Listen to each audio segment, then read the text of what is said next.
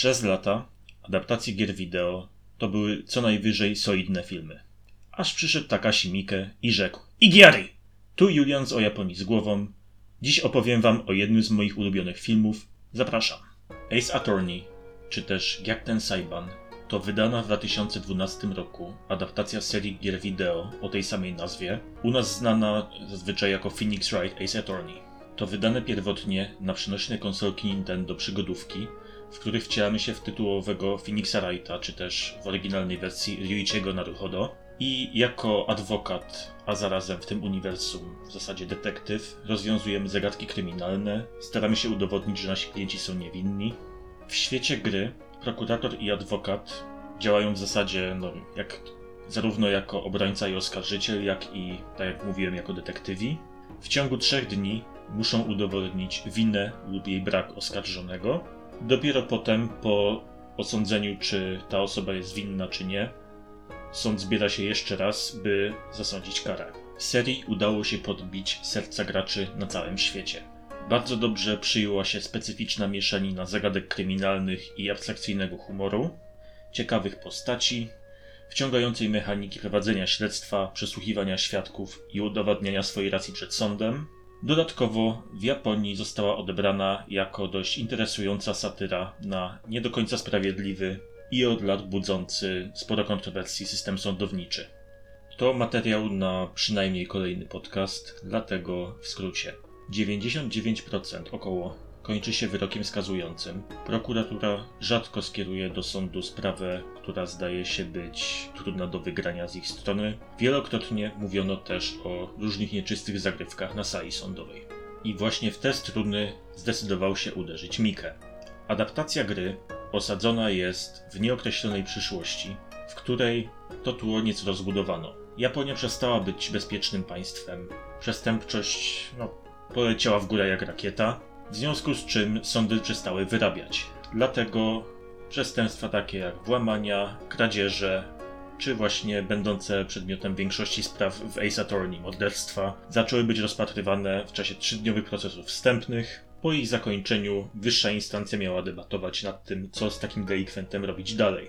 By było tego mało, ludziom się to szalenie spodobało, a najlepsi prokuratorzy i adwokaci stali się celebrytami bardzo spodobały mi się takie detale jak bilety wstępu na widownię, czy dwóch panów na widowni, którzy komentują e, zakończoną rozprawę niemal tak, jakby to był mecz piłki nożnej. I jeszcze może, zanim przejdziemy dalej, będę posługiwał się japońskimi nazwiskami bohaterów. Film opowiada o perypetiach Ryuichiego Naruhodo, początkującego prawnika, który pracuje w firmie prawniczej Chihiro Ayasato, mamy okazję zobaczyć jego pierwsze zwycięstwo, no powiedzmy, że jego pierwsze zwycięstwo na sali sądowej. Zaraz potem zostaje wplątany w wielką intrygę. Na drodze ku jej rozwiązaniu spotka się z dawnym przyjacielem, bezwzględnym prokuratorem Reiji Mitsurugim. Napotka całą paletę barwnych postaci. Pojawią się też wątki fantastyczne, takie jak duchy czy media spirytystyczne, Fabuła filmu stanowi adaptację pierwszej części gry. Cztery dość luźno powiązane ze sobą rozdziały gry połączono w jedną spójną intrygę. Oczywiście, no, pewne rzeczy trzeba było zmienić, więc fani, dla których podstawą dobrej adaptacji jest bezwzględna wierność materiałowi źródłowemu, byli, no, trochę niezadowoleni, ale kiedy się na to patrzy, to inaczej być nie mogło, bo ta historia wciąga, ta historia dobrze pracuje. I niestety niektóre postaci wyleciały, inne zostały zupełnie przerobione. Znaczna część motywów humorystycznych, no niestety, nie znalazła się w filmie. Trochę ubolewałem nad tym, że Mayoi, czy też w angielskiej wersji Maya, jest, no, nie jest tą pełną energii głupawą dziewczyną, co w grze. Jeśli chodzi o sam klimat, to Bardziej przypomina on kryminał noir, jest nieco poważniej, nieco mroczniej, nieco bardziej brutalnie, ale mimo to mangowa estetyka oryginału została w to wszystko bardzo, no ciężko mi to opisać, taki no bardzo naturalny sposób wpleciona, bardzo dobrze się na to patrzy, to się w ogóle nie gryzie. A jeśli chodzi o humor, to ostał się, tylko jakby Mike zreinterpretował humor oryginału, wziął te elementy, które pasowały.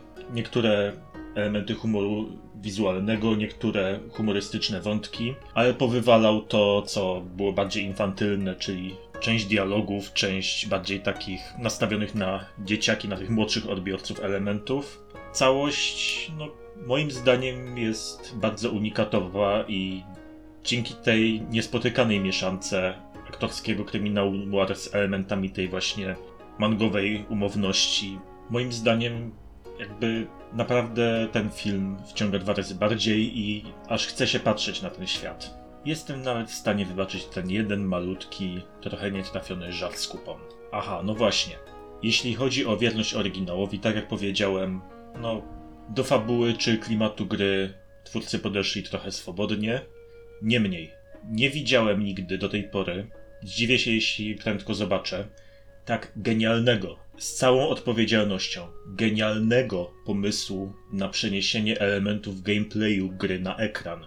W czasie rozgrywki w Ace Attorney podczas dialogów na sali sądowej często pojawiają się ramki prezentujące różne postaci, różne dokumenty, różne, nie wiem, dowody rzeczowe. W czasie gry na sali sądowej siedzący daleko od siebie sędzia, prokurator i adwokat często analizują razem te elementy. Jak to rozwiązano? Ogromny projektor holograficzny, który wyświetla te ramki na żywo na ekranie. Ramki mogą być przezwane przez prokuratora czy adwokata za pomocą gestów czy uderzenia w stół. Pojawia się kilka sympatycznych ujęć, kiedy przerzucają się nimi, dosłownie przerzucają się dowodami. Dla mnie to coś fenomenalnego, bo po pierwsze wprowadza ten element science fiction i pokazuje, jak w świecie przyszłości mogą wyglądać rozprawy, jak w świecie przyszłości można efektywniej prezentować różne dowody w sprawach. Po drugie, ożywia ten klimat gry i niektóre ujęcia dosłownie są wyjęte z ekraniku Nintendo DS. To jest super, po prostu mnie się to szalenie podobało. Nie mówiąc już o tym, że ci z was, którzy kojarzą Phoenix Wright głównie z tym memem, z postacią, która wymachuje palcem i krzyczy Objection, czy też po japońsku Igiari, dostaną jedną scenę, która no, jest doskonałym wręcz wykorzystaniem popularności tego obrazka. Klimatu dopełnia, moim zdaniem, absolutnie rewelacyjny soundtrack. Mamy tutaj trochę kompozycji oryginalnych, mamy trochę reinterpretacji orkiestrowych muzyki z gier, mamy też na koniec J-Rock. Wykorzystanie muzyki jest bardzo dobrze przemyślane i bardzo dobrze uzupełnia i komentuje to, co się dzieje właśnie na ekranie. Jeśli chodzi o aktorów, w roli głównej wystąpił gwiazdor Hiroki Narimiya, który jako niedoświadczony, nadpobudliwy i nieco gapowaty prawnik sprawdził się rewelacyjnie. W roli prokuratora Karumy, jednego z antagonistów, wystąpił Ryo Ishibashi, znany m.in. z innego filmu Kitakashiego Mike, kultowej już gry wstępnej, czy ze słynnego filmu Brother w reżyserii Takashiego Kitano. W roli bezwzględnego, podstępnego, dwulicowego człowieka sprawdził się absolutnie rewelacyjnie. Niestety, ale wspomniana już Majoi, no mimo że ogólnie komponuje się z tym światem przedstawionym, to Mirei Kiritani moim zdaniem zagrała na jedno kopyto. Co chwilę albo jest przerażona, albo zszokowana. Zdaje się mieć tylko kilka wyrazów twarzy. Niemniej, zarówno moje, jak i wielu moich znajomych serce skradł Akiyoshi Nakao w roli Masasiego, niezbyt rozgarniętego i niepanującego nad sobą przyjaciela głównego bohatera. Cały film ogólnie, no, widziałem go już nieskończoność razy i mnie za każdym razem bawi rewelacyjnie. Mimo tego, że jest kilka dłużyzn, mimo kilku chybionych pomysłów, takich jak jeden z kończących filmów dialogów, w których, no, żeby nie, wam nie zepsuć, po prostu scenarzyści wyraźnie starają się pokazać palcem: hej, my tu satyryzujemy japoński system sprawiedliwości. Przyznam, że moja percepcja tego filmu może być nieco zakrzywiona przez to, że jestem fanem serii i w zasadzie to. No dobrze, przyznam się. Pierwsza część Ace Attorney na Nintendo DS była jednym z katalizatorów, za sprawą których zainteresowałem się kulturą Japonii. Gdyby nie ta gra, prawdopodobnie nie byłoby mnie tu teraz z wami. Niemniej, pokazałem ten film swego czasu grupie znajomych, którzy zupełnie z tematem nie są obeznani. Absolutnie wszyscy uznali, że to naprawdę świetny film rozrywkowy. Ciągnęła ich fabuła, spodobał się niecodzienny klimat. Dostaliśmy adaptację gry wideo, która nie jest ani kopalnią fanserwisu, ani nie stara się na siłę przenieść niepasujących zupełnie elementów gameplayu na ekran, ani nie jest tanią próbą wypicia popularności marki. To po prostu przemyślany, dobrze zaplanowany, oryginalny film rozrywkowy. Trzyma w napięciu, momentami bawi, zaskakuje kreatywnością twórców.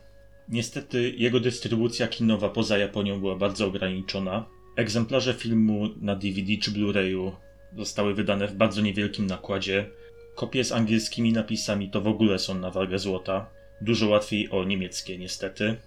Jeśli ktoś miałby szansę obejrzeć kopię, to polecam. I wyrażę taką cichą nadzieję, że może kiedyś doczekamy się jego wypuszczenia na Netflixie czy na którejś z innych platform VOD, bo po prostu naprawdę szkoda. Szkoda, że dobrze zrobiony film z unikatowym klimatem, w który widać, że włożono naprawdę sporo ciekawych pomysłów i pasji, który obroniłby się ogólnie u miłośników kina azjatyckiego, a nie tylko wśród maniaków gry, przeszedł kompletnie bez echa. No i w zasadzie to byłoby tyle z mojej strony. Dziękuję za wysłuchanie. Oczywiście, jak zwykle, chętnie przyjmę jakąkolwiek krytykę. Usłyszymy się za miesiąc. Mam kilka pomysłów, które zrealizuję, to za jeszcze zobaczymy. No i zapraszam na fanpage. Codziennie krótkie notki, linki czy ciekawostki dotyczące Japonii. Trzymajcie się i do następnego.